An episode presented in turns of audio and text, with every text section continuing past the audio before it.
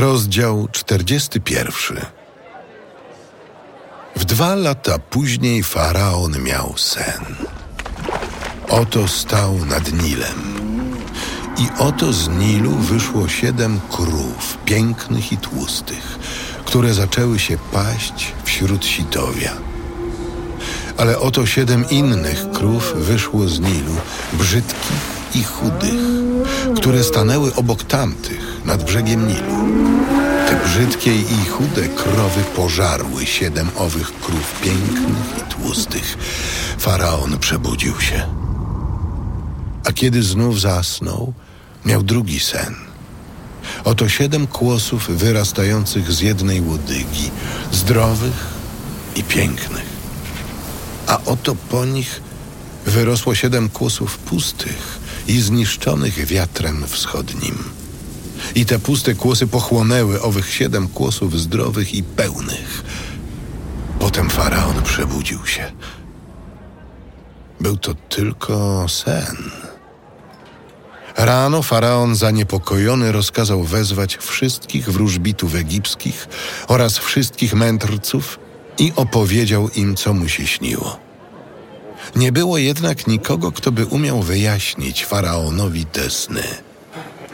Wtedy przełożony podczaszych rzekł do faraona. Dzisiaj wyznam moje grzechy. Faraon, rozgniewawszy się na swego sługę, oddał mnie, a ze mną i przełożonego piekarzy, pod straż do domu przełożonego dworzan. I wtedy mieliśmy obaj jednej nocy sen, ja i on, ale o innym znaczeniu. A był tam z nami pewien młody Hebrajczyk, sługa dowódcy straży przybocznej. Opowiedzieliśmy mu, a on wyjaśnił nam nasze sny. Wyjaśnił sen każdego z nas. I stało się tak, jak nam je wyjaśnił. Mnie przywrócił faraon na mój urząd, a jego kazał powiesić.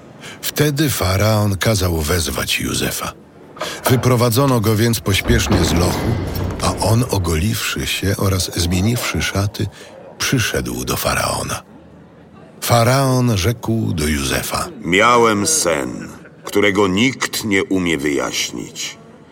Ja zaś słyszałem, jak mówiono o tobie, że skoro usłyszysz sen, zaraz go wyjaśniasz. Nie ja, lecz Bóg da ci pomyślną odpowiedź o faraonie.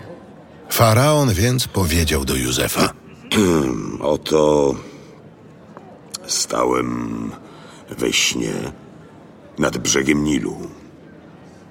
Oto z Nilu wyszło siedem krów tłustych i pięknych, które zaczęły się paść wśród sitowia.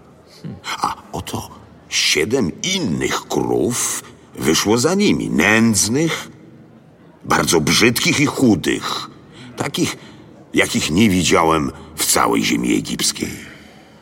Krowy e, chude i brzydkie pożarły owych siedem krów pierwszych, tłustych. Gdy te weszły do ich brzuchów, nie było wcale znać, że tam weszły.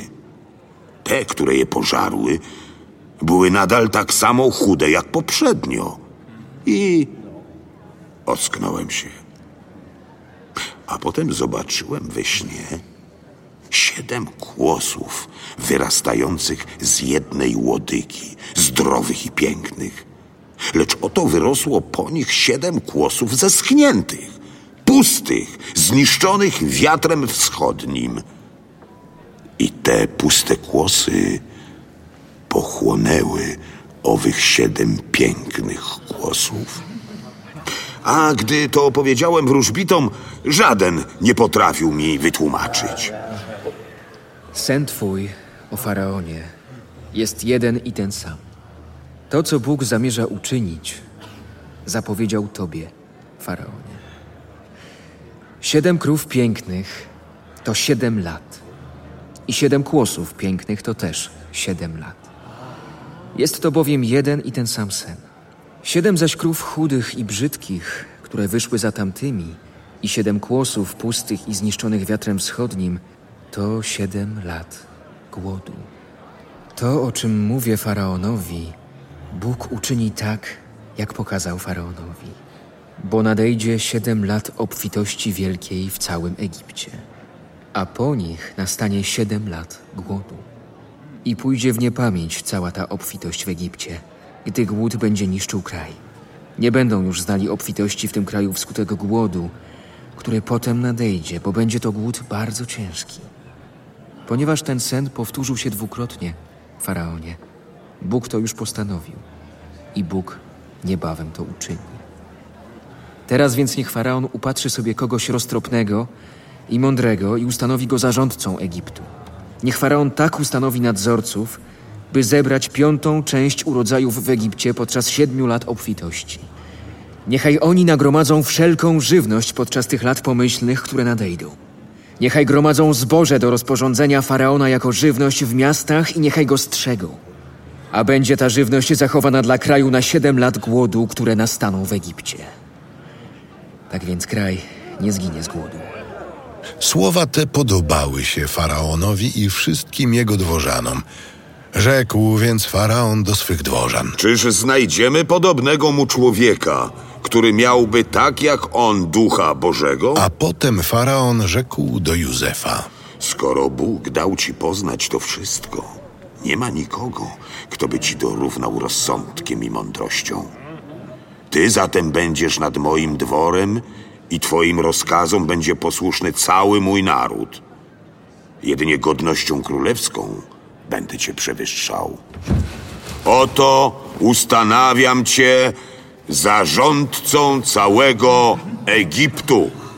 Po czym faraon zdjął swój pierścień z palca i włożył go na palec Józefa. I kazał go oblec w szatę z najcieńszego lnu. A potem zawiesił mu na szyi złoty łańcuch. I kazał go obwozić na drugim swym wozie. A wołano przed nim Faraon, ustanawiając Józefa zarządcą całego Egiptu, rzekł do niego: Ja jestem faraonem, ale bez twej zgody nikt nie ośmieli się czegokolwiek przedsięwziąć w całym kraju egipskim. I nadał Józefowi imię Safnat Paneach. Dał mu też za żonę Asenat, córkę kapłana z On, imieniem Potifera. Józef stał się zarządcą ziemi egipskiej. Józef miał lat trzydzieści, gdy stanął przed faraonem, królem egipskim. Józef, wyszedłszy od faraona, objeżdżał cały kraj.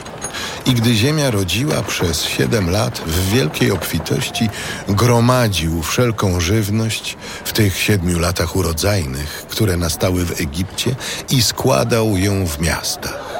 W każdym mieście gromadził żywność z okolicznych pól. Nagromadził więc Józef tyle zboża, ile jest piasku morskiego. Takie mnóstwo, że już przestano mierzyć, bo nie można było zmierzyć.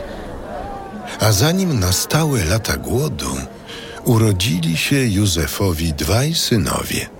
Urodziła ich Asenat, córka kapłana z On, który miał imię Potifera. Józef dał swemu synowi pierworodnemu imię Manasses. Mówił bowiem: Dał mi Bóg zapomnieć o całym moim utrapieniu i o całym domu mego ojca. A drugiego nazwał Efraim, mówiąc: Uczynił mnie Bóg płodnym w kraju mojej niedoli. Kiedy minęło siedem lat urodzaju w Egipcie, nadeszło siedem lat głodu, jak to zapowiedział Józef. A gdy nastał głód we wszystkich krajach, w całym Egipcie był chleb. Ale kiedy i w Egipcie głód zaczął się dawać we znaki, ludność domagała się chleba od faraona. Wtedy faraon mówił do wszystkich Egipcjan: Udajcie się do Józefa i czyńcie, co wam powie. Gdy był głód na całej ziemi, Józef otwierał wszystkie spichlerze, w których było zboże i sprzedawał zboże Egipcjanom, w miarę jak w Egipcie głód stawał się coraz większy. Ze wszystkich krajów ludzie przybywali do Egiptu, by kupować zboże od Józefa, gdyż głód wzmagał się na całej ziemi.